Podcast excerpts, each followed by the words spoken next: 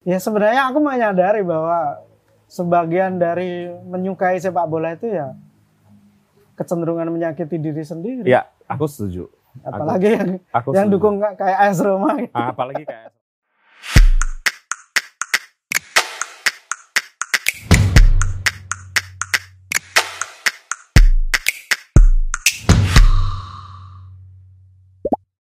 Halo teman-teman, ketemu lagi dengan saya Putut EA Kepala Suku Mojo. Dan kali ini saya ngobrol dengan seorang penulis yang hampir jadi legenda nanti di Indonesia, eh, Mahfud Ikhwan. Fud, halo Fud. Halo, halo, halo. Eh, Suara ketemu ya. saya lama nggak ketemu sama Mahfud karena dia ada di Jogja Selatan dan saya di Jogja Utara. Teman-teman kalau Mahfud Ikhwan pasti banyak teman-teman yang sudah kenal lah karena karya-karya sastranya meraih banyak penghargaan bergengsi dan sedang dalam proses penerjemahan ya Fud Semoga. Heeh, ke bahasa Inggris dan semoga menyusul Eka Kurniawan dan bahkan mungkin eh, teman-teman muda yang lain juga bisa mengikuti jejak mereka berdua. Saya kira penulis Indonesia mulai banyak ya, Fud ya yang akan diterjemahkan ya. Ah, Budi Dharma ya, kan juga. mulai, mulai banyak nama yang Mm-mm. mengapung. Ya ini mungkin juga apa ya? Ya arus baru industri buku. Ah, mulai melirik Indonesia. Setelah sebelumnya eh, kalau daerah Asia Tenggara itu Filipina ya. Lebih awal kan Asia Timur toh. Ya, Cina, enggak yang Korea. Asia Tenggara. Asia Tenggara. Asia Tenggara kan Filipina literasinya seni rupanya maju banget. Karena mereka punya koneksi dengan Iya, betul. Spanyol. Eh, dan Mahfud ini teman-teman bukan hanya penulis sastra, tapi juga seorang esais yang paripurna. Saya mau memberi gambaran gini aja. Dia pernah menerbitkan dua buku judulnya Aku dan Film India Melawan Dunia. Bener, bener nggak judulnya itu? Ya, dua seri. Itu buku yang nggak sembarangan menurut saya karena begitu buku itu keluar, orang-orang yang dulu diam-diam, ya, diam-diam menyukai film India karena dianggap kampungan atau apa begitu Mahfud mengeluarkan buku itu menjadi lebih apa ya ekspresif ya lebih ber- memberanikan diri untuk menyatakan bahwa saya juga pencinta film India gitu. Dan itu menarik sekali lah itu. Jadi buku itu menarik bukan karena ditulis oleh Mahfud dengan cara yang luar biasa eh, menarik dan dari berbagai perspektif, tapi juga membuat orang yang dulunya tidak berani atau malu-malu tadi itu untuk lebih berani menyatakan ke publik gitu. Itu buku yang keren menurut saya, punya dampak kayak gitu. Terus yang kedua, dia adalah penulis esai sepak bola. Dan jauh hari saya sudah sering bilang ke teman-teman, oh, ada penulis hebat lah sepak bola ya. Menurut saya setelah era Rayana Jaka Surya, ya Mahfud MD dan Darmanto Simaepa. Ya setelah Rayana Jaka Surya siapa menurutmu yang menurut? Karena kalau sorry ya, kalau Rayana itu kan karena koran ya, jadi tabloid, jadi lebih ringkes gitu. Hmm. Kamu ada referensi penulis sepak bola yang bagus Indonesia? Indonesia ya dulu ada Yusuf Lebewudi, ada Arif Kurniawan. Oh, Kurni, ya Kurniawan. Siapa sih ya Kurniawan? Enggak, itu orang-orang bola semua. Oh, oke. Ap- Ya apa Kurniawan oke. Tuh. Ah. Kalau orang sering menyebutkan Romo Sindu. Ya, ya. Ya Romo Sindu. Ya Romo Sindu Cak Nun Gus Dur. Cak Nun, itu Gus kayak Dur. satu satu kecap gitu. Tapi sebenarnya yang benar-benar membesarkan atau membuat kami menulis sepak bola aku dan Hermanto Hmm. ya tulisan-tulisan ini sebenarnya, tulisan-tulisan profil, tulisan-tulisan kolom di di Jawa Pos, di bola, di Go. Itu Oh, yang tetap jauh kamu lebih. generasi bola ya, tablet Iya, bola. iya, iya. Hmm. Ya meskipun aku lebih awal ya, misalnya kayak terpaparnya itu lebih awal ke kompetisi gitu atau Jawa Pos lebih lebih khusus ya. Hmm. Karena bola mahal waktu itu Hmm. dan tidak sampai distribusinya jarang sampai ke kecamatan. oh, waktu kamu masih di kampung. Ya sem- semua ini persoalan masa lalu, Put. Iya, iya, iya. Enggak, aku ini vote. Ini aku menyatakan juga ke publik ya, saya ini bukan orang yang ngerti bola. Saya itu benar-benar mengikuti sepak bola setelah ada di Jogja. Itu pun di tahun tidak langsung, aku kan ke sini tahun 95. Nah, Itu aku mulai mengikuti bola itu tahun 96 akhir. ya kenapa itu milihnya AS Roma? Mudah Oh, dipahami sih. Nah, kalau AS Roma itu sudah fase yang lebih lanjut. Ketika sudah ngerti. Aku dulu itu ngerti ya sepak bola itu hanya ini, Fut. Hanya Piala Eropa dan Piala Dunia. Hmm. Nggak ngerti bacaan tentang sepak bola. Gitu. Yang kami kalau ini ya sama-sama aku sama Darmanto kalau ngomongin apa ya tulisan bola yang yang mungkin sangat berpengaruh sejak kecil dan ini agak dalam karena memang jenisnya beda ya Rob Hughes itu Hmm. kolom-kolom di bola yang terjemahan sebenarnya Hmm. mungkin karena terjemahannya tapi mungkin juga karena memang gaya bahasanya jadi dia semacam ringkasan dari satu satu malam eh, sepak bola gitu bisa dia bisa membicarakan satu pemain atau satu pertandingan atau satu liga Darmanto yang disebut eh, Mahfud adalah sahabat Mahfud sejak remaja, namanya Darmanto Simaepa. Ini buku mereka berdua ya, Mahfud dan Darmanto. Tapi Darmanto ini sebetulnya pernah menerbitkan buku sepak bola yang sangat tebal. Dan Judul- sangat bagus menurutku Judulnya apa sih? Aku sing nerbitkan lali. Tamasya bola Ga- Tamasya Bola. Tamasya Bola. Itu buku keren banget ya. Sama kerennya dengan inilah karena beberapa juga di sini diambil dari situ ya. Eh Darmanto itu seorang antropolog sekarang sudah dokter belum sih? sudah Sudah dokter ya.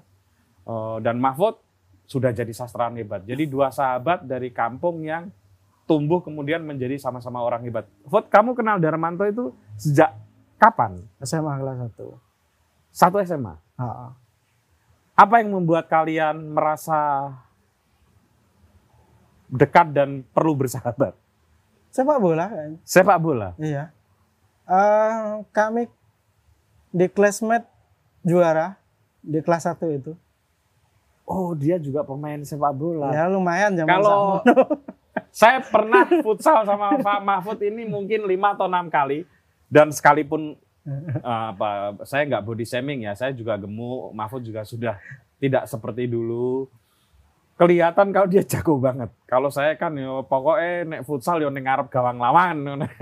kalau Mahfud kelihatan kalau memang nggak nggak cukup ya paling ya karena kalau Darmanto menyebutnya sebagai eh, kaki kanannya kaku gitu. larinya kencang dan Darmanto termasuk orang yang hebat juga main bolanya. Darmanto Tapi emosional, ya, lebih mungkin- temperamental dia. Ya, tapi oke itu itu menarik. Darmanto kan sering banget aku futsal sama dia. Wow, kalau 20 kali lebih lah. Kalau dia pas kalah itu wah teman-temannya nggak nggak ini nggak perform gitu, wah dia bisa teriak-teriak. di di waktu SMP Darmanto sudah main tarkam di di banyak tempat Iya, kelihatan kalau dia memang jago sih. cuman Darmanto bukan yang paling jago di kelas kami waktu itu Ah, tapi kalian tim inti lah. ya inilah aku main di final Kamu posisimu apa, Fut? ya biasanya yo Striker ya? enggak enggak aku biasanya main sayap Woi, sayap kanan kiri? Ya, bisa kanan bisa kiri tapi nek kiri kan karena aku kaki kirinya nggak fungsi ya repot ya biasanya kanan ya mencetak gol ya tapi Tapi kan sepak bola sekarang orang yang kaki kanan malah ditaruh di sayap kiri dan sebaliknya kan? ya itu kan setelah Cruyff dan Barcelona. Yes. Kamu lebih dulu mana? Menulis sepak bola atau menulis sastra? Aku pertama menulis cerpen. Ya, kalau cerpen sih aku tahu Ya, karena ya itu pernah di on off ya. keseluruhan keseluruhan awal dari menulis ya menulis cerpen. Yang lain-lain kayaknya kalau menulis opini atau apa kayak gitu kan kayak sebenarnya seperti kayak ngerjain kuliah tuh. Jadi tidak ngerjain tugas kuliah. Jadi sebenarnya nggak nggak banyak terpisah. Dan aku mungkin bukan jenis orang yang sejak awal mengincar kayak halaman 4 kompas gitu enggak. Ya Hmm. memang nulis cerpen waktu itu ya, ya, mahasiswa sastra masuk gak nulis cerpen gitu semacam itulah. Kamu dulu kenapa memilih eh, Fakultas Sastra UGM? Bahasa dan sastra UGM ya istilahnya. Fakultas sastra. Fakultas Sastra Sastra Indonesia. Sastra Indonesia ya. Iya. Yang penting mlebu sik. Ya kenapa nggak sosiatri atau Lah itu belum tentu masuk. Ya kalau sosiatri atau apa mungkin ini ya. Aku Enggak itu kan urutan paling bawah kan. Aku anak filsafat. Sama, saya Ya. IPA. Jadi yang pertama ya kira-kira satu dan dua IPA. Iya. Terus yang ketiga ya yang humaniora. Nah itu bikin jelek aja. Yang Hmm. grade-nya paling paling gampang. Sehingga ketika kamu kuliah sebetulnya tidak begitu tertarik dengan sastra atau sudah? eh ketertarikannya mungkin tidak seperti karena aku nggak punya ketertarikan yang khusus. Aku sudah baca, banyak baca. Oh. Tidak tidak tahu cerita itu jenis apa gitu. Ya baca legenda, baca sejarah, eh, buku-buku balai pustaka di perpustakaan itu, Hmm. eh, buku-buku apa roman-roman awal. Hmm. Tapi bahkan di SMA aku nggak bisa membedakan mana cerpen mana novel. Gitu. Hmm. nggak nggak nggak paham soal genre. Cuman aku juga nggak punya ketertarikan jenis lain. Tapi kalau kalau ngomongin soal misalnya ke seni atau apa itu, itu mungkin ada kecenderungan ya. Aku di SMA aku aku pengen jadi seniman, Walaupun nggak gambar, iya. Oh, malah pengen gambar. pengen gambar aku. Oh, Ya, cocok cuman- pancen kowe iso gambar. Su. Nggak nggak.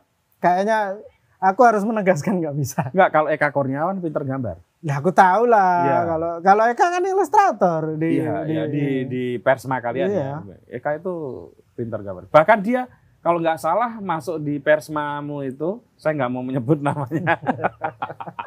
ya apa-apa. itu malah kalau nggak salah ilustrator, nggak Iya, di dia, dia, redaksi. dia di posisi itu. Hahaha. Eh, Aku ya itu jadi apa ya? Ya sastra sesuatu yang asing tapi ketika kemudian tapi kalau untuk nama-nama kan ya nggak asing-asing amat. Ya. Dalam arti nilai bahasa Indonesia aku nggak pernah buruk.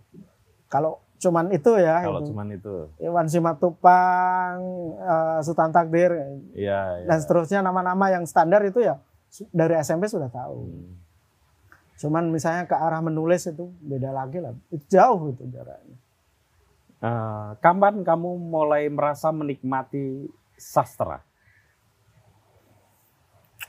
Membaca sastra ya maksudku. Nggak, Belum nggak, sampai ke proses menulis. nggak ada nggak ada fase yang sangat penting. Tapi aku menemukan putu yang sebelumnya tidak pernah ketemu Oke. di Jadi sesuatu yang oh ternyata kayak gini bisa ditulis gitu ya. Ketika membaca no ini cerpen pertama di kumpulan Yel Ya, itu ada satu kalimat eh, di kota itu semua perempuan tidak punya mulut.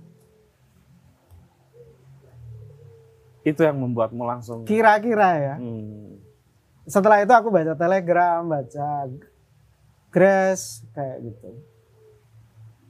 Dan buku pertama yang ku beli kayaknya Kroco. Loh berarti kamu memang punya ketertarikan dengan Putu Wijaya? Sangat. Sangat ya? Aku, sampai sampai menulis ulit itu masih kerasa lah beberapa beberapa ini pengaruh Putu. Bukan Kunto Wijoyo malah. Kunto Wijaya di di di gagasan mungkin ya, di gagasan. Atau di fase selanjutnya? Karena Kunto Wijaya memang menguasaiku di fase-fase akhir kuliah. Aku Oh, aku oke. skripsi dengan Kunto Wijaya. Dan itu kan dari dari baca menyukai sampai kemudian me- mendalami itu kan tiga tahun. Jadi itu panjang juga. Hmm. Iya iya iya iya. iya. Ya aku banyak menyerap juga lah. Aku dulu sangat tertarik dengan Yanusa. Yanusa Nugroho Ya, itu juga keren. aku Hamzat akan- Rangkuti mestinya suka dong. Hamzat terlewat, Terlewat ya. terlewat. Itu kan mirip-mirip tuh. Ya semacam itu. Tapi ada di bagian di mana ini ya, Yanusa itu membawaku ke arah masa ke, masa lalu. Yanusa tuh keren sih memang. Eh, di kumpulan cerpen itu ada Jeritan Tengah Malam yang diterbitkan buku Mojo itu. Dan menurutku itu sangat Yanusa. Hmm. Dan itu fase tahun, aku tulis tahun 99 atau 2000 ya. Fase sangat awal. Jadi Mahfud ini ini ya rata-rata suka karya-karya fiksi yang sangat realis ya, realis dan lokal. realis dan lokal. Karena aku tidak bisa Dan- bahasa Inggris. Tapi ini hebatnya Mahfud, eh, dia nggak bisa bahasa Inggris, justru karena itu dia belajar sendiri bahasa Inggris sampai benar-benar ya bisa lah ber, membaca literasi literatur bahasa Inggris dengan baik. Itu gimana ceritanya, Mahfud? Karena ya ini mungkin untuk berbagi ke teman-teman ya. Aku aku malu. Nggak apa-apa, itu kan fase yang penting. aku sampai ada ya. Sampai skripsi itu. Mm. Sampai gentar itu salah satunya karena nggak bisa bahasa Inggris. Karena nggak ada referensi bahasa Inggrisnya ya. Dan aku harus meminimalkan betul apa buku yang harus dibaca tapi tidak tidak perlu kubaca gitu. Oh gitu, sun, sun. Terima kasih. Heeh. Dan sampai sampai skripsi aku itu masih minta tolong ke teman untuk terjemahin satu bab ini. Ah. kayak kayak gitu. Terus ya kayaknya mungkin ya dari baca Wikipedia aku saat di kantor karena aku di kantor banyak nganggurnya. Lima, lima Mahfud tahun ini pernah bekerja sebagai editor ya, Fud ya? penulis di buku apa penerbit buku sekolah. Penerbit buku. Oh, kamu penulis ya? Bukan Penulis? pener, bukan editor aku. ya? Aku menulis sangat banyak buku, Ya, buku pelajaran. buku pelajaran. Hmm. Buku sejarah, PPKN, akidah akhlak. Oke. Eh, dongeng-dongeng gitu. Lumayan kok, ada di 15-an Hmm. selama lima tahun itu. Dan di situ kamu belajar bahasa Inggris. Secara tidak sengaja sebenarnya.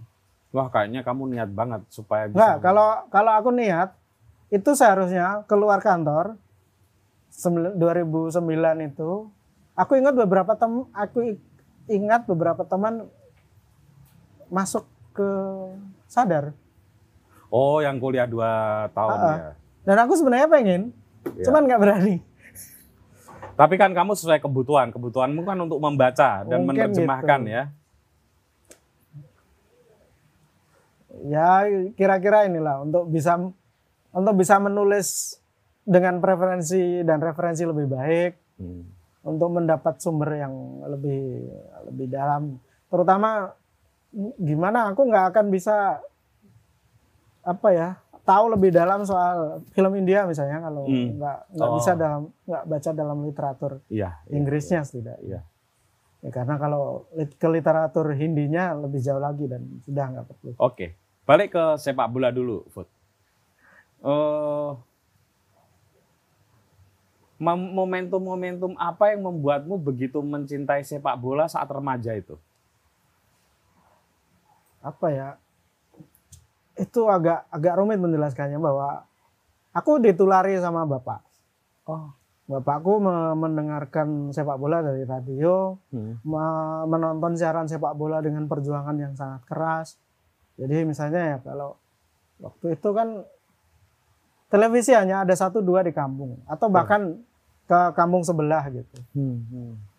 dan aku anak tunggal selama tujuh tahun. Jadi kalau bapakku nonton ke mana aku ikut. Dan itu cukup mewarnai. Eh, jadi kosakata kosakata awal dalam bahasa Indonesia aku ya sepak bola. nama-nama awal di luar misalnya pahlawan, tokoh-tokoh nasional, tokoh-tokoh internasional, menteri itu Hmm. ya pemain sepak bola. Kabinet dulu ya. Ya Kan dulu kan harus harus menghafal kan Ya. JB Sumarlin, Moko, Subroto. Ya yang lain yang yang ku hafal ya Ponirin Meka.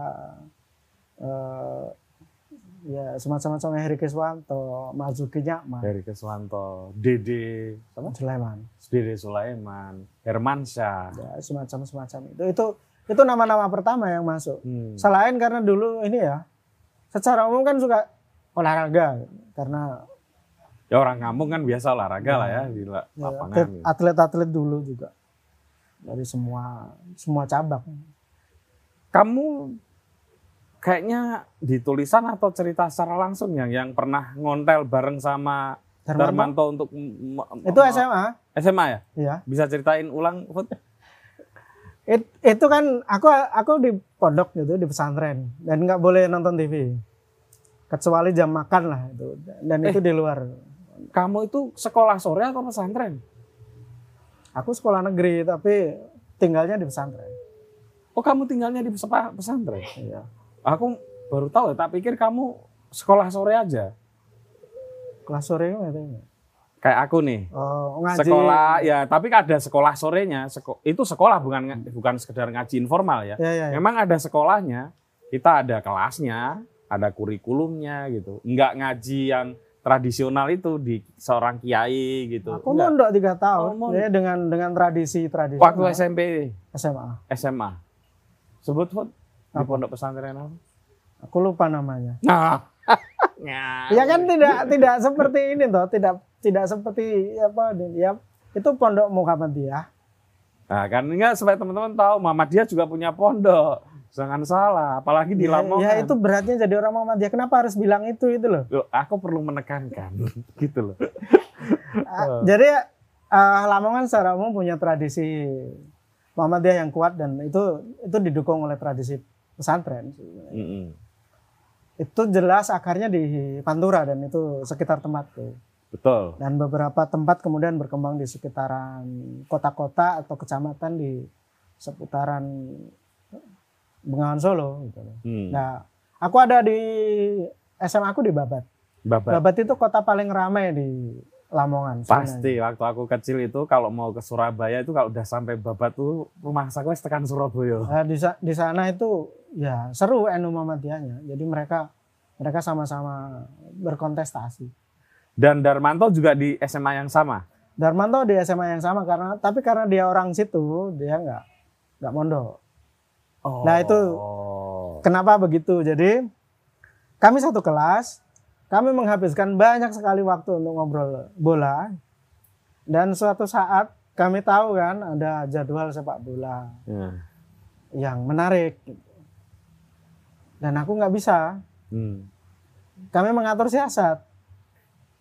Jadi eh, aku menyebut, aku beralasan ke pengurus pondok, aku punya kegiatan ekstra di sekolah sehingga harus nginep. Gitu. Oke. Darmanto menjemputku dari kampungnya sekitar 10 kilo lah dari tempatku Heeh. dengan sepeda ontel. heeh. Oh lumayan loh, 10 Ya, lumayan itu dan naik itu karena kampung Darmanto itu di atas bukit kilo. Hmm. desa tertinggi di kawasan itu. Oke oke oke. Jadi dia Pegunungan khas kan situ ya. iya, Hmm. jadi dia menjemputku dari pondok itu terus ke rumahnya aku nginep di tempatnya. Menontonnya berarti di rumahnya Darmanto. Iya. TV hitam putih. Hah? Ingat nggak itu pertandingan apa?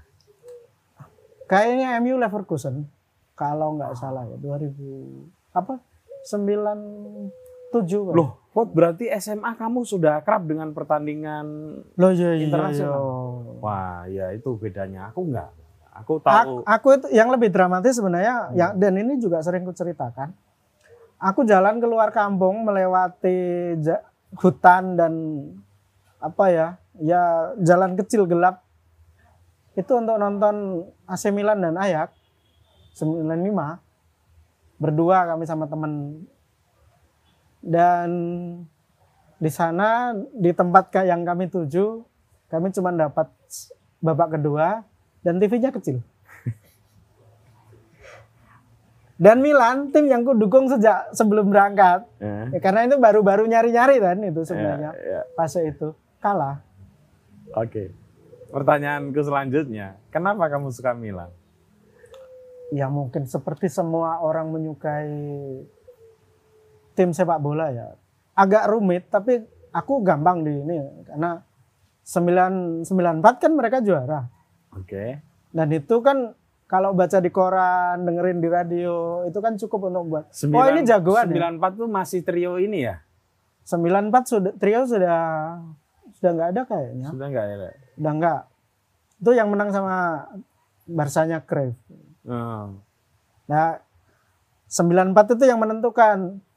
Darmanto suka Barcelona di 94. Aku suka Milan di 95. Nah itu yang aneh, dia bisa suka nanti kapan-kapan aku mau tanya Darnanto. Kok bisa Barca itu kan bukan klub yang di Indonesia di tahun itu loh ya, yang mendapatkan eksposur yang besar kan? Loh, karena kami nyari. Oh, Oke. Perjuangan para penggemar sepak bola tahun itu itu luar biasa tahun-tahun itu. Hmm. Aku SMP ini ya tradisi yang ditinggalin bapak sih sebenarnya. Muter radio SW, Mm-mm. Shortwave itu untuk mendengar siaran BBC London. Oke. Bahasa ya. Indonesia. Ya, BBC yang bahasa Indonesia. 93 94 itu mulai Liga Inggris. EPL ini. Heeh.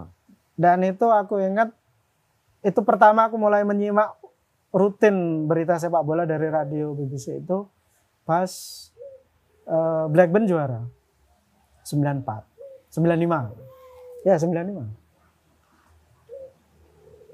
cek 94 ya 95 Ya. aku lupa pokoknya itu lah. Atau jangan-jangan musim 94 tapi yang, menangnya yang kan jelas 95 yang jelas gitu. Black, Blackburn yang juara Hmm. aku dengar apa mulai mengenal klub-klub Liga Inggris MU yang United United itu ya Hmm. di tahun-tahun itu Tapi sebelum itu kan misalnya TVRI punya Liga Jerman dan itu aku Ya. sudah tahu Munchen, Munchen Gladbach, Dortmund, Karlsruhe, Schalke. Hmm.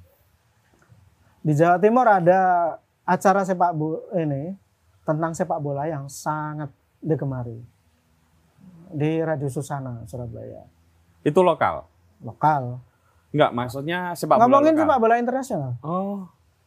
Jadi bahkan dari dari penyiar penyiar ini praktek terang ini dua duet itu dua orang yang agak ke barat-baratan Kaisar Victorio sama Bung Mario ini Hmm. kami belajar mengucapkan nama-nama pemain Ah. eh, asing dengan betul. Ah. Meskipun beberapa kemudian mereka agak berlebihan itu. Misalnya. Kami tahu misalnya bagaimana cara mengucapkan Jean Pierre Papang Oke. meskipun tulisannya Papin gitu. Nah, Christophe Dugauri nah. dari dari umur umur ya 10 11 gitu. Ya memang kayaknya tradisinya memang. Kalau sepak bola lokal, eh sorry lokal, sepak bola nasional ngikutin nggak? Iya, Yang- Mas. Yang yang klub-klub. sama. Kamu berarti fans Persela sebagai orang Enggak. Lamongan. Enggak. Kenapa? Aku di Jogja Persela baru naik. Oh, itu problemnya. Ketika aku di dulu masih apa ya ya memperhatikan Ya, klub-klub ya, ya, ya, ya. Surabaya, Persela itu ya salah satu klub di Piala Bupati Cup Oke. dan tidak selalu juara. Ya. Karena yang kuat adalah Babat, tempatku SMA, Ya. dan Berondong, tempatku Lahir, kecamatanku, ya? Kecamatanmu ya, Iya. Bondong ya. dan Paciran. Jadi Hmm. Paciran itu inilah Dulu kan sering memang antar antar kecamatan kan. dan ya namanya Bupati Cup biasanya dan itu antar tim nasional tim nasionalnya kecamatan lah. Aha. Dan Persela bukan tidak selalu juara di itu. Tapi kamu juga aspirasinya nggak misalnya eh, sebagai fansnya eh, Persebaya gitu, enggak ya? Persebaya karena kedekatan ya. Iya, sempat Tapi ketika jadi kemudian- Persebaya? Aku memilih Mitra. Mitra. Iya. Oke. Nah, mungkin nggak tahu ya. Kalau itu Kalau- penjelasannya ya lebih karena mungkin ada beberapa pemain yang kusukai main di Mitra dan kebanyakan orang menyukai Persebaya jadi kami kemudian memilih beda gitu dan di Babat itu kan paparan tradisi entah sepak bola atau budaya pop dari Surabaya kan sangat keras. Hmm. Jadi misalnya kalau derby Surabaya gitu antara Mitra sama Persebaya, ya kelas kami pecah. Hmm. Ya tawur-tawuran eto-etoan gitu. Dan teman-teman eh, di buku ini ada bu- ini sebagian ditulis memang kayaknya jumlahnya hampir mirip ya.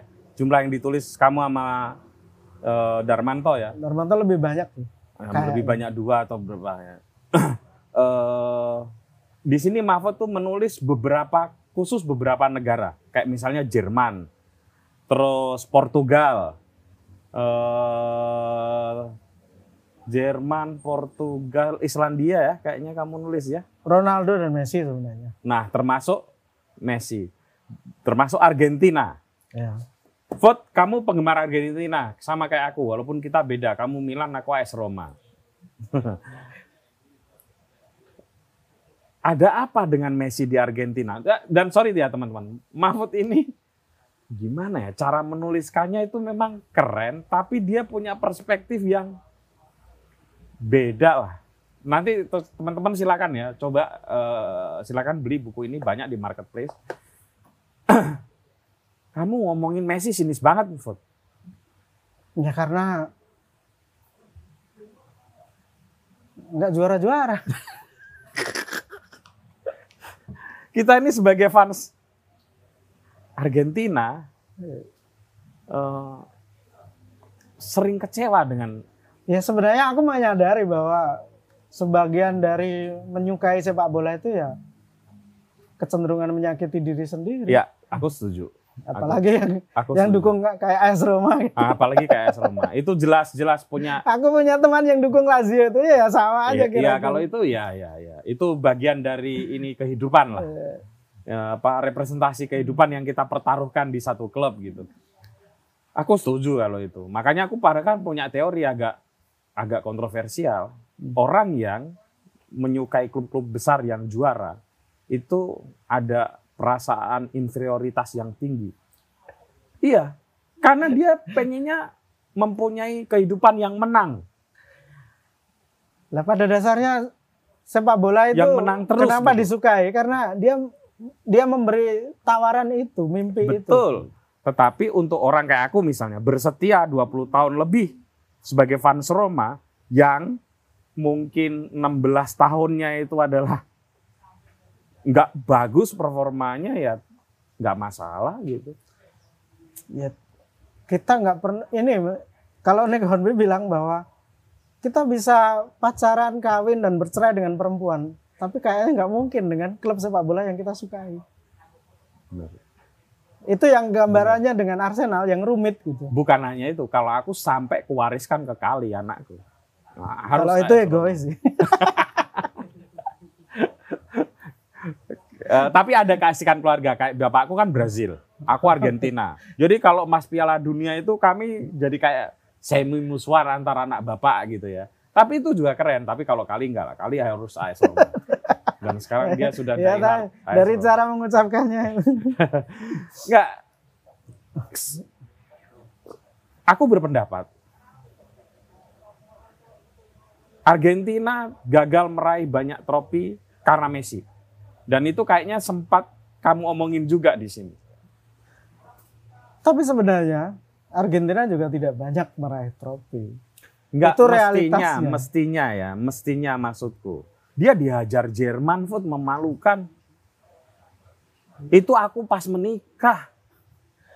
Argentina itu juga banyak diajar di, di banyak pertandingan sebelum-sebelumnya. Iya, tapi karena faktor Messi, kan ada teori yang begini. Aku Ah. banyak baca essay yang bagus ya tentang Messi dan Barcelona. Termasuk aku baca biografinya Ibrahimovic.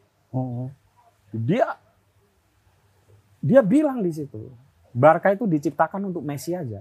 Semua orang harus mengabdi pada Messi. Kamu setuju? Itu Ya. Ibrahimovic di autobiografinya aku baca. Aku biasa setuju dengan orang seperti Ibra sih. Jadi, dan aku menyukai dan aku menyukai buku itu.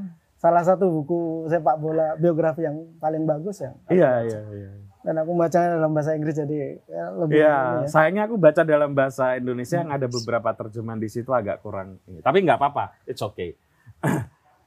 Tapi kan apa substansi obrolan kita adalah jangan-jangan, jangan-jangan hal yang sama terjadi pada kesebelasan Argentina, terutama di tulisan ini misalnya kamu sebut ketika dilatih Maradona. ya aku melihat ini aja apa ya beban beban terhadap apa ya beban Messi atas Maradona atau Maradona membayangi semua pemain hebat setelahnya. Tapi Dan di itu- sini kamu dengan jeli bilang "Ih, itu dua hal yang berbeda. Maradona itu sosok yang kontroversial, eh, apa lahir dari keluarga yang miskin, eh, kemudian melakukan banyak kekonyolan dan kenakalan gitu ya. Ya.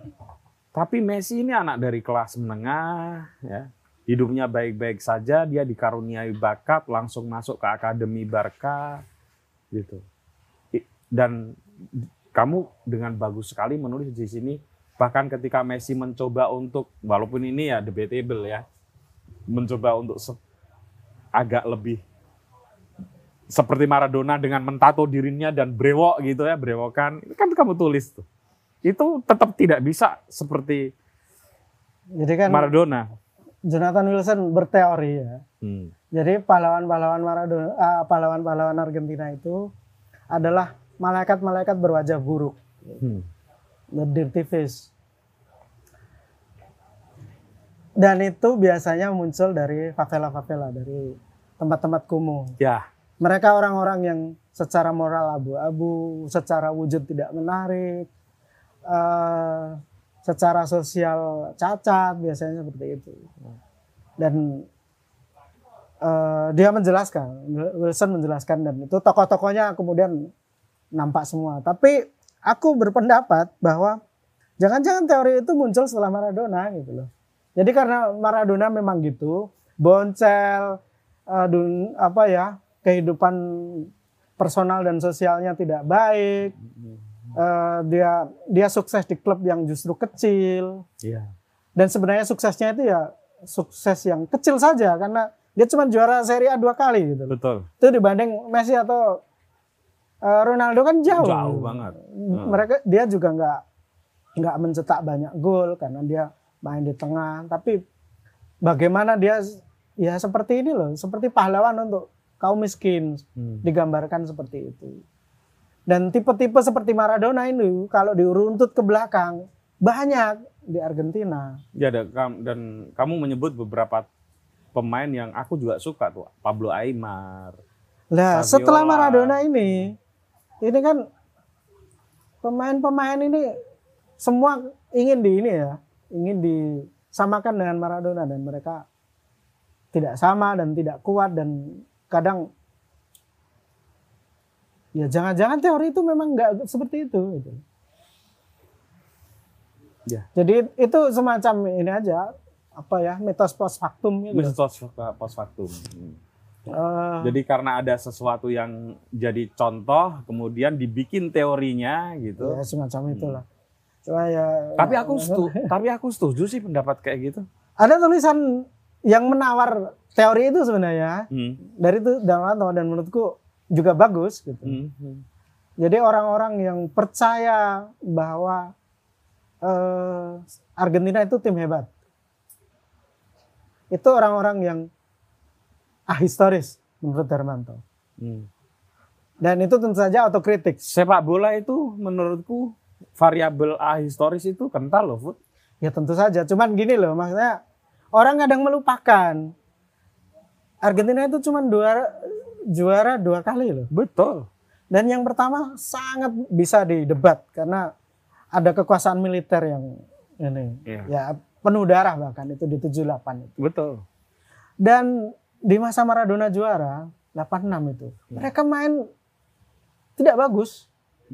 Setuju. Itu aja Maradona yang bagus gitu. Setuju. Kira-kira begitu. Dan aku menci- suka Argentina karena Maradona. Aku tuh inget sampai aku itu waktu itu piknik ya anak kecil kan. Aku waktu itu masih usia berapa? Aku kan kelahiran 77 ya. Masih kecil banget lah, belum 10 tahun.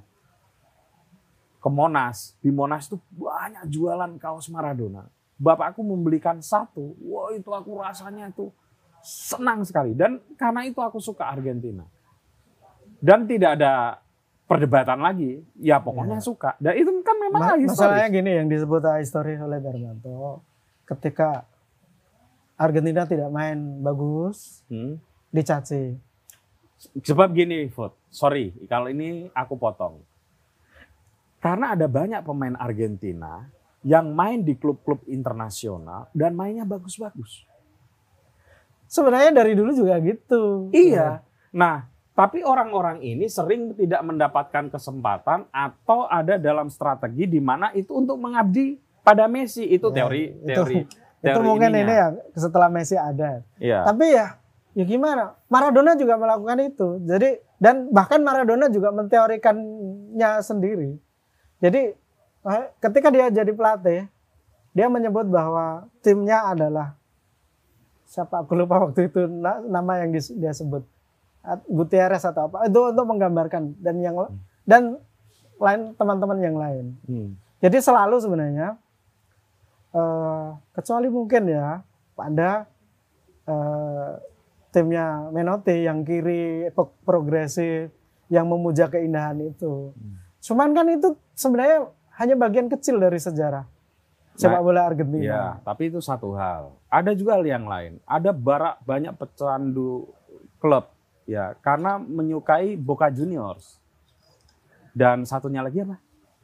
Ri- rivalnya Yang mana? yang di Liga Argentina itu Junior Independiente. Independente. Kan banyak tuh orang-orang kita yang orang di seluruh dunia kan menyukai sepak bola mereka kan yang cenderung kasar. Sepak Eh, bola Argentina pernah sangat kasar. Hmm? Juga Uruguay sebenarnya. Jadi karena itu kadang orang bilang tentang tarian tenggo. Itu Hmm. yang mungkin yang disebut sebagai mitos oleh Darmanto. Seakan-akan menari tenggo itu indah gitu. hmm. Enggak sih aku kalau itu Nah, dari dulu dari dulu back-backnya Argentina itu back-back kasar gitu loh. betul. Jadi ada di tahun 78 atau 80 ya. Hmm. Dua back Argentina itu dua bersaudara dengan nama Killer. Nama nama marganya Killer. Nama marga? Killer. Iya. Oh, aku nggak tahu. A- Aku lupa. Hmm. Ya dan sampai sampai di masa eh, Maradona dan terakhir siapa yang disebut Darmanto di situ ya? Yang backnya Valencia itu aku lupa. Oke. Sekarang kamu masih suka AC Milan? Ya iyalah. Kenapa? Kenapa Oh. kamu? Berarti kamu lebih lama dari aku ya? Kamu Ya, udah iya. sejak SMA. Cuman gini misalnya ya, ya ini kayak yang eh, nggak tahu. Aku kan bercabang banyak. Nah, itu nggak- bedanya sama aku. Karena. AS Roma lebih penting dari sepak bola bagiku. dan itu bagiku konyol. Jadi aku- aku punya beberapa tim dalam ini yang yang punya punya tempat yang sama lah di. Aku di di Liga Inggris aku punya Liverpool di Oh, Yes. kamu Liverpool Drian. dan itu menderitanya lebih lama itu. Lama banget. Sekarang aja tiga tahun ini oke. Ya, itu sakit. Oke, kamu Liverpool, Liga Liga Liga Spanyol di Madrid. Ya, itu kayak Ah, berhadapan-hadapan kamu dengan ini ya, Darmanto ya. Kayak- Ya, di di Liga Inggris kan juga Darmanto mau Bahkan dia Juve. Enggak lah. Eh, Darmanto apa? Darmanto itu Di Liga ya sama sorry, di. Liga Italia dia apa? Milan. Milan sama. Terus Barcelona. Barcelona kamu Madrid. Iya. Beda Terus, kan? Di sini di Inggris. Di Aku Inggris Liverpool, di MU. dia MU. Oh ya, itu. Dan itu itu sama sahdunya lah kira-kira. Kalau berarti hanya sama di Milan kalau aja ya. kalau uh, orang-orang yang baca di Tamasya Bola itu setelah 6-1 itu. Iya, iya. ya, itu menurutku itu ode ode kesedihan seorang fans itu. Hah. Kayak enggak pertanyaanku tadi itu kenapa kamu masih mencintai AC Milan? Lah aku nggak punya alasan untuk membenci. Oh, Oke. Oke, tapi eh, AC Milan kan mulai membaikkan dua kompetisi ini ya. Sebelumnya kan jeblok ya. Iya. Boleh dibilang jeblok lah, itu hampir enam Ya tahun. ditungguin. Enggak, enggak. Maksudku pas jebloknya itu apa analisismu? Ya nggak punya duit lah.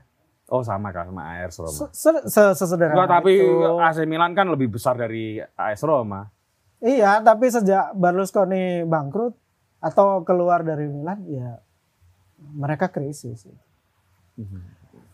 Itu kan siklus saja lah. Makanya Nanti kalau- Barcelona ini setelah ini ya jadi pemain ini lah, jadi tim eh, urutan keempat, Setuju. urutan lima, Setuju. ya kira-kira begitu. setuju. Nah, dia belanjanya cuma bisa dapat 70. Tapi ini pemain-pemain AC Milan yang sekarang yang bagus-bagus ini, Ah. terutama sejak musim kemarin juga, Hmm. bukan harganya yang mahal-mahal juga, Fut. ternyata bagus. Ya ini karena Gazidis ya yang masuk. Gazidis itu orang yang meletakkan dasar pembangunan eh, Arsenal selama kira-kira selama yang dipegang oleh eh, Arsene Wenger. Aku nonton, kamu nonton pasti ya yang Atalanta kemarin barusan Atalanta musuh Milan. Ora. Hah? Enggak. Waduh, kamu kak nggak nonton. Ya aku nonton nonton sama Liverpool itu yang kalah. Dan menurutku itu kalah Enggak, yang, yang bagus. Liga Liga Liga Italia Italia. yang kemarin ini kan Milan musuh Atalanta. Hmm. Keren banget. Ya memang apa ya? Keren. Atalantanya juga bagus. Kan hasilnya 3-2 tuh akhirnya. Jadi tiga menang dulu tuh, tiga disusul sama Atalanta. Ya, Oh ini Liga, Liga Italia, Liga Italia lagi keren-kerennya. Karena Juve buruk. I- itu bagusnya. Menurutku enggak juga. enggak. Aku udah nonton ya klub-klub yang kecil Empoli, Salernitana, Oke, ya. Verona, gila mainnya. Gila. Eh, ya orang menyebutnya pemerataan kekuatan. Dan nama-nama mereka bukan nama-nama yang cukup mahal dan tenar, itu masalahnya. Karena mereka jadi klub pembibitan. Nah, itu. Itu masalahnya. Karena itu juga agak berat misalnya aku menyukai Milan yang ini tapi ya jelas ini masih jauh dari misalnya juara Eropa. Bahkan mungkin aku masih belum percaya untuk juara Liga Italia. Jadi dari sisi banyak dari banyak sisi lah sekarang. Wah, mungkin Liga Inggris akan terlampaui itu kalau kayak gini iklimnya di Liga Italia. Ya nanti tinggal duit yang. Kalau duit mengalir ke sana ya. baik Ya, saya percaya juga soal kapital itu. Ya, tapi di sisi lain kita juga percaya ada semacam pembangunan yang serius di Ya. setiap klub gitu. Karena kenapa dulu kita nonton Liga Italia? Karena duit di sana, pemain-pemain terbaik di sana. Betul. Dan terus kemudian geser ke Liga Betul. Inggris ya karena pemain-pemain mahal datang ke sana kayak kayak gitu. Hmm. Dulu kita punya banyak apa ya? pemain bintang dari Eropa Timur sekarang enggak. Oke. Ya macam-macam itu selalu Kita geser ke tema lain, Bud. Gimana dengan film India? Sepak bola, film India, sastra. film India karena aku apa ya? Selama pandemi ini lebih banyak nulis dengan deadline.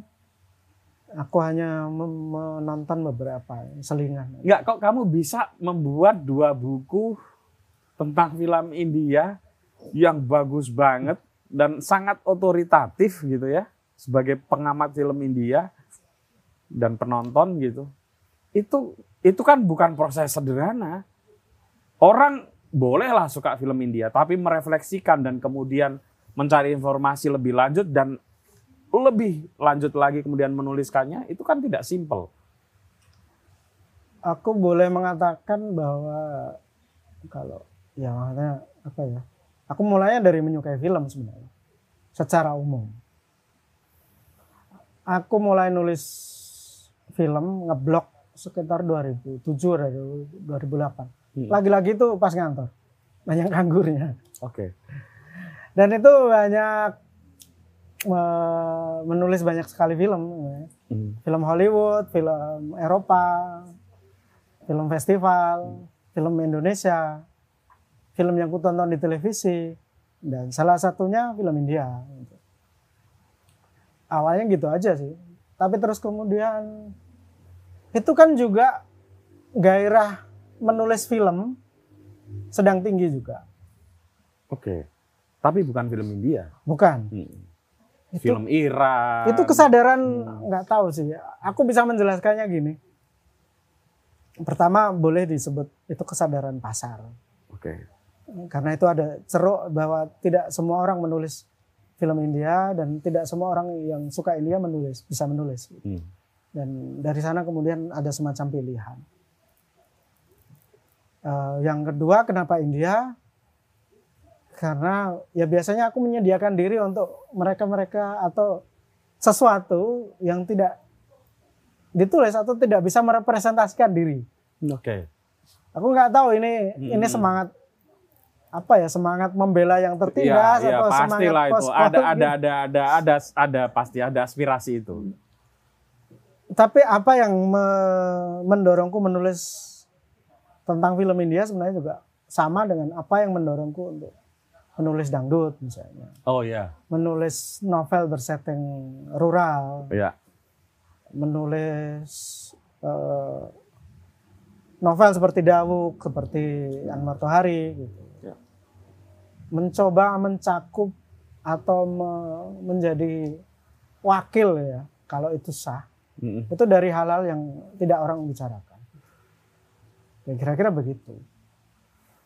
Eh, kamu masih menulis film India nggak? Kalau menonton pastilah kamu. Secara Kamu penonton. secara apa ya? Secara aku punya rencana besar setelah novel-novel ini selesai. Hmm. Tapi selama itu juga aku menulis beberapa secara random gitu. Eh, tapi tidak seproduktif aw- tahun-tahun yang kemudian dibukukan itu. Dan itu kan sebenarnya juga tidak membayangkan bisa dibukukan kan. Aku menulis itu di blog. Ya. Dan itu tulisan yang sangat personal, sangat subjektif, dan mungkin hanya membayangkan seratusan pembaca lah. Hmm. Jadi mana mungkin menjadikan seperti itu buku. Cuman waktu itu Eka dari EA datang dan eh, menawarkan itu dan aku bilang atau menantang ya. Kalau kamu bisa jual buku itu di atas 100, ayo gitu. Oh bisa Cak gitu. Ya deh, kayaknya mungkin Bisa dan sempat cetak ulang kan. Aku nggak tahu nanti coba tanya lagi ke EA Books. Oh, kayaknya udah mulai banyak yang nanyain juga lagi buku. Ya karena memang agak ini ya, enggak ya rare. Iya, Nggak iya, ada makanya. nggak ada yang lain juga. gitu. Iya, ya itu yang membedakan karena itu dua buku loh dan tentang film India loh dan ditulis dengan banyak referensi bukan hanya sekedar filmnya itu sendiri tapi konteks zamannya apa gitu. Aku belakangan tiga tahun terakhir mengumpulkan banyak buku tentang India. Hmm. Aku berharap bisa men- me- meneruskan proyek itu, cuman nggak tahu. Dalam tempo yang mungkin lebih dekat, mungkin aku akan menulis tentang ya musiknya, lagunya kayak gitu. Karena Oh kamu lagunya juga ya? Berarti ya, sering enggak maksudku lagu itu gini. Berarti sering mendengarkan lagu-lagu aku lagu dulu baru baru film. Ah. Dan itu yang membuat sebenarnya film India lebih dalam. Oke. Jadi selain nonton film India sebenarnya kan juga kita tahun 90 kan juga nonton film kungfu, Iya. gangster Hong Kong gitu Gangster kira-kira. Hong Kong ya. Dan itu kan sama-sama sebenarnya meng- mengisi kehausan anak-anak desa tuh. Iya. Juga film-film akhir pekan Indonesia gitu, tahun-tahun 80-an. Cuman film India ini kan punya perintilan yang tidak dimiliki oleh hal lain itu, lagunya. Dan beberapa lagu seperti yang kutulis juga di di beberapa tulisan, mungkin di buku itu ada. Beberapa lagu punya sugesti sangat besar untuk aku harus menonton filmnya gitu. Fot, lagu itu kan berbahasa India. Ya. Berarti kamu gimana tuh menikmatinya? Nah ya kita kan bisa juga dulu menikmati Scorpion, menikmati Air Supply Enggak, berarti dengan modus mo- modus tanpa itu. ngerti, Oke. tanpa ngerti. Orang hanya bisa Oke, membayangkan oke, aja. oke, oke. Ketika apa ya, Padesi, Padesi, Jananahi, itu kan ya, ya, oh ini kayaknya pacarnya mau pergi dan dia nggak rela, ya semacam itu aja gitu. Terus kemudian baru belakangan nyari, oh itu memang kayaknya ya, ya kekasih jangan tinggalkan aku itu ketemu terjemahannya Berarti kamu mulai akrab juga ya dengan istilah-istilah dari dulu. bahasa India ya? dari dulu. Eh, Jadi misalnya temanku itu bisa punya kosakata yang aneh itu untuk merepresentasikan kesukaannya dengan film India. Jadi dan lagu. Jadi ada satu lagu yang jauh lebih besar dari filmnya bagi kami di di desa itu. Aku dan teman-temanku. hmm. Judul lagunya eh, judulnya Tum Hai Kaise. Apa? Tum Hai Kaise. Tum Hai Kese. Aku nggak tahu itu bahkan nggak tahu artinya apa. Oke. itu itu menjelaskan apa ya rasa cinta yang tidak sampai Hmm. orang yang tidak sanggup men- menyampaikan ya jadi itu pemuja rahasia gitu Hmm. dan kemudian seorang teman dengan enak aja bilang bahwa kowe sih tumbuh kesenan terus gitu. jadi orang yang tidak bisa mengungkap apa perasaannya ke perempuan yang disukainya itu dia sebut sebagai tumekese Ya ya ya ya ya. semacam itu Sampai kayak sampai gitu. sampai kayak gitu ini kayak ini salah satu judul atau kalimat ya di lagunya Rita Sugiharto mengisi kosakata orang di wa- warung gitu. Apa tuh? jadi eh, ada lagu yang dimulai dengan percuma air kau siramkan Nah, itu orang pakai untuk men- me- mengatakan sebenarnya kata percuma saja Ah. jadi saya gini, eh, orang mau mem- membantu tapi dengan enggan. Gitu. Dia seharusnya dia cukup dengan, alah percuma nek gue ngomong ngono. Hmm. Tapi orang kemudian terus meneruskannya, ah percuma air kau siramkan. so, semacam itu. Gitu. Jadi tradisi kami se- Iya, iya, sedalam itu ya Iya, dengan iya. budaya pop sebenarnya. Oke, Hud. Kamu membayangkan nggak jadi sastrawan terkenal? Enggak. Nggak. nggak. Bahwa apa ya menjadi terkenal itu mimpi banyak Ya anak banyak, kecil. ya pastilah. Ya. Cuman aku nggak tahu jadi apa. Nggak ketika mulai menceburkan diri ke sastra gitu. Membayangkan nggak sampai pencapaianmu sedahsyat ini? Ini Ya aku, sedih aku apa sih? ngomong aku ngomong sedahsyat ya. Kita terus terang aja. Kamu meraih beberapa penghargaan bergengsi, karyamu diapresiasi orang dengan luar biasa ya. Eh, dia anggap punya cita rasa yang tinggi dalam sastra gitu. Walaupun itu tentu saja eh, bisa diperdebatkan ya. Tapi kan itu faktual yang terjadi sekarang ini pada kamu. Nah di awal-awal karir kamu ketika mau menjadi sastrawan itu kamu bayangin nggak? Nah aku bayangin dulu ikut apa ya menaikkan cerpen ke kompas aja nggak sanggup. Ya aku tahu fase-fase itu sih. Ya apa? ya? Bahkan kamu Ya, pernah putus asa kan dengan sastra kayaknya. putus asanya sebenarnya tidak tidak dengan menulis sih, tapi karena aku memang tidak selalu yakin dengan yang kulakukan hampir semua hal. Dan kalau nggak salah kamu orang yang merasa sebetulnya tidak berbakat dalam menulis. Eh, pernah ada ada ada fase itu dan sebenarnya aku selalu merasa bahwa sebagai penulis aku selalu punya problem mendasar dan itu banyak. Hmm. Makanya aku termasuk orang yang sinis dengan orang yang menggampangkan menulis. Oke. Kamu sinis di pada banyak hal sih. Eh, ini akan banyak pertanyaanku yang ini nanti akan banyak kamu sudah pasti kamu eh, apa ya dapatkan lah dari banyak forum yang mungkin kamu jadi pembicara. Apakah kamu merasa punya bakat menulis sebetulnya? Dalam beberapa hal mungkin ya. Hmm. Setidaknya memoriku kuat. Dan karena itu aku menulis ulit, menulis kambing dan hujan, Hmm. menulis dawuk, Anwar Tohari itu eh, sebagian besar berdasar ingatan. Hmm. Dan itu bagiku penting untuk seorang penulis, Hmm. seorang pencerita. Hmm. Eh, apalagi ya? Ya eh, apa yang membuat seseorang disebut berbakat menulis? Aku nggak tahu. Iya. Tapi kan Ya ada yang prodigi, tapi jelas bukan bukan aku. ya. Hmm. Tapi aku, Ah, karena aku lihat kamu ada proses belajar yang keras kepala juga untuk untuk bisa menulis dan dengan dan bagus. karena kan? itu aku menyebut bahwa menulis itu susah. Hmm. Tapi aku tetap membayangkan kalau aku tidak punya bekal tertentu gitu, Hmm. aku nggak akan. eh gambarannya gini, kalau orang-orang yang motivasional kan menyebut bahwa bakat itu satu persen, berlatih 99 persen.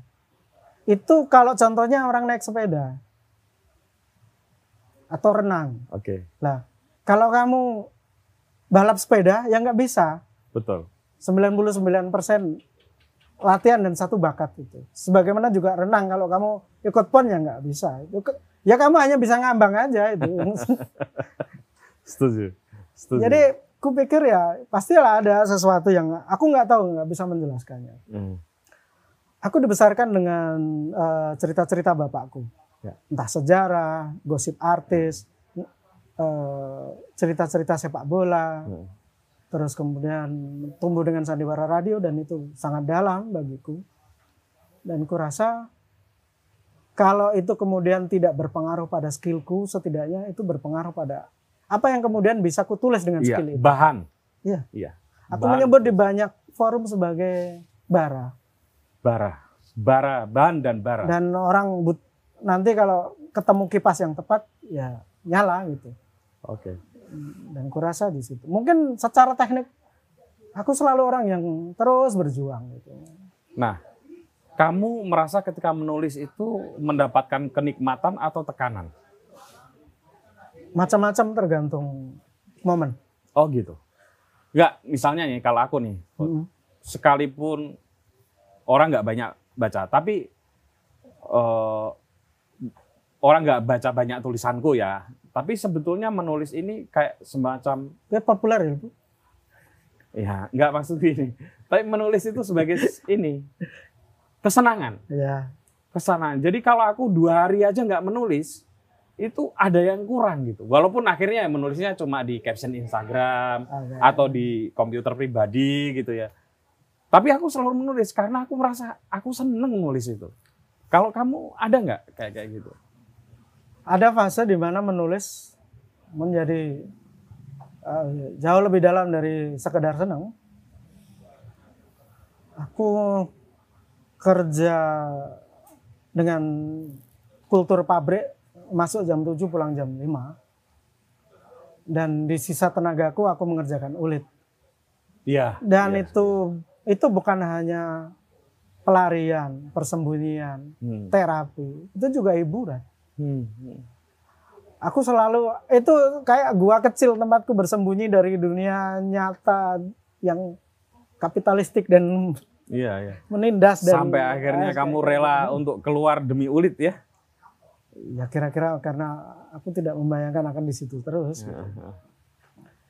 Eh, itu fase yang bagiku menulis jauh lebih penting dari sekedar kesenangan. Itu beberapa juga terapi. Oke. Karena eh, sebagian diriku masuk ke ulit dan aku harus membaca diriku agak dalam untuk bisa menulis ulit eh, sedikit berjarak atau se- mengatur jaraknya seberapa. Dan ya itu itu persoalan-persoalan yang mungkin orang hadapi eh, bisa lebih cepat atau bisa telat gitu. Aku aku me- aku melewatinya di fase yang yang yang mungkin tepat ya. Aku menulis itu di antara umur 25 sampai 29 eh, menempatkan posisiku di yang yang kubaca oleh diriku sendiri. Mahfud Ikhwan eh, manusia dan Mahfud Ikhwan penulis Oke. dan eh, kurasa di banyak bagian ya itu juga terapi. Terakhir nih, Food. Udah satu jam. Eh, kamu mulai menulis dengan tadi itu ya, tema-tema rural dan rural-rural yang agak bukan rural yang kebanyakan orang lihat ya. Itu yang membuat aku juga merasa, aku kan yowong desa.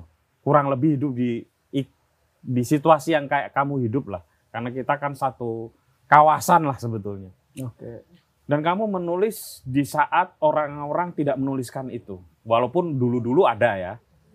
Oh, Orang-orang di saat kamu menulis itu orang banyak menulis hal-hal yang lebih bersifat kosmopolit, itu kalau temanya.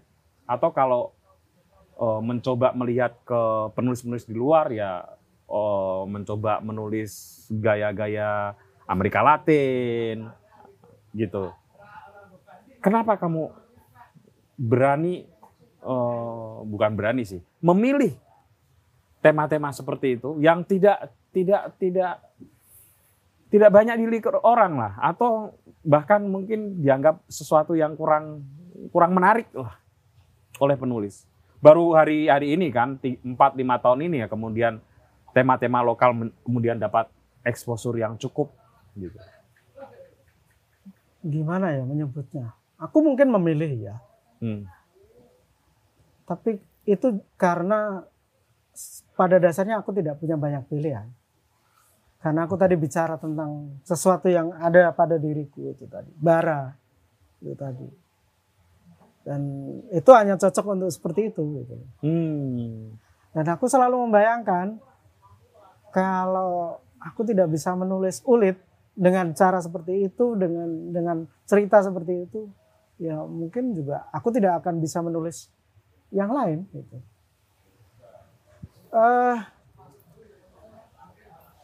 bagaimanapun kita akan dibesarkan dengan cerpen-cerpen seno ya, Ya, Seno. yang kosmopolit, yang urban gitu. Bahkan tadi aku bilang aku menyukai Putu yang Hmm. juga urban juga. Ya, Putu Wijaya. Meskipun urban di pinggir lah kira-kira. Hmm. Dan itu mempengaruhi aku. Aku punya beberapa cerpen yang bertema urban. Tapi Apalagi kamu pernah ini ya, hidup di goa di Jakarta ya. sebenarnya Berapa Jogja tahun, yang- teman? Itu ya Lima tahunan ya? nggak sampai. Enggak sampai ya. Eh, dua tahun kurang lebih. Tapi ya kalau di kalau itu yang gue lakukan ya di Jogja justru. Oh, justru di Jogja. Coba-coba ya meniru lah fase meniru. Ya. Tapi kurasa itu tidak tidak mewakili diriku secara keseluruhan. Hmm. Jadi misalnya tokoh-tokoh yang dimunculkan oleh Putu menarik bagiku. Tapi ketika aku menulis hanya teknik Putu yang bisa aku ambil. Benar. Karakter setting nggak bisa. Benar. Kalau aku mau mencoba itu aku gagal. Ya, ya. Dan di sana sebenarnya Karena Kunto Wijaya pengalaman sosialmu enggak di kira-kira begitu. Hmm. Di sana Kunto Wijaya masuk. Meskipun sebenarnya Kunto Wijaya juga tidak serural-rural Ya. aku gitu. Ruralnya Kunto Wijaya itu ya kota kecamatan, itu Bantul, Klaten itu beda lah seperti Lamongan pinggir hutan gitu. Hmm. Beda dengan Bronjong lah ya. Tapi setidaknya ketika Kunto bicara tentang dua anak yang bersekongkol mencuri alat ukur mayat untuk Ya, memancing, it- itu Ya, ya, kira-kira. Iya, iya, iya. Di kampungku juga kayak gitu. It- itu yang misalnya ya oh kayak gitu kayaknya cerita yang bisa aku tulis sih. Dan ada titik persis di mana aku memang seperti berpindah ya. Hmm. Ketika eh, waktu itu aku memutuskan untuk meniru satu tokoh Ya. sastrawan untuk kupelajari betul dan itu fase yang sama dengan skripsi. Aku mau aku membaca Kunto dan menirunya. Itu bukunya yang Itu di- dilarang mencintai bunga-bunga. Lebih persis sebenarnya karena yang kuskripsikan adalah hampir sebuah subversi. Hasil sebuah subversi. Itu bukan buku yang paling menarik dari Kunto, hampir tapi secara teknik justru yang paling menarik bagiku. Oh. Karena oke. Kunto memakai tick description di sana. Aku jadi ada cerpen judulnya kuda itu seperti manusia. Hmm. Aku membuka itu, aku menulis cerpen melati tentang kucing Hmm. yang dimuat di buku mojok itu. Hmm. Dan setelah itu kupikir fase menulisku berbeda. Oke. Oke, teman-teman, adzan maghrib sudah terdengar dan saya kira eh, ya harus diakhiri mau nggak mau obrolan ini. Terima kasih, Vot. Dan bagi teman-teman yang eh, pengen membaca, Mahfud ini lagi berproses memba- menulis tulisan bersambung novel novel gitu ya di Kumparan Plus. Silahkan teman-teman kalau mau baca. Saya terus terang tadi saya sebelum ini saya minta maaf sama Mahfud nanti aja Fud saya baca kalau sudah jadi bukunya gitu. Karena ya baca Mahfud sepenggal-sepenggal nggak enak. Eh, tapi itu saya yakin apa pun yang dihasilkan oleh Mahfud, ya dia dia menguasai teknik menulis yang baik dan punya bahan yang luar biasa dan sangat berpengalaman mengeksekusi apa tulisan. Jadi saya yakin itu juga akan menjadi tulisan yang menarik dan bisa anda ikuti di Kumparan Plus. Sunfood. Sama-sama. Ya. Oke teman-teman, sampai ketemu lagi di tamu-tamu saya selanjutnya.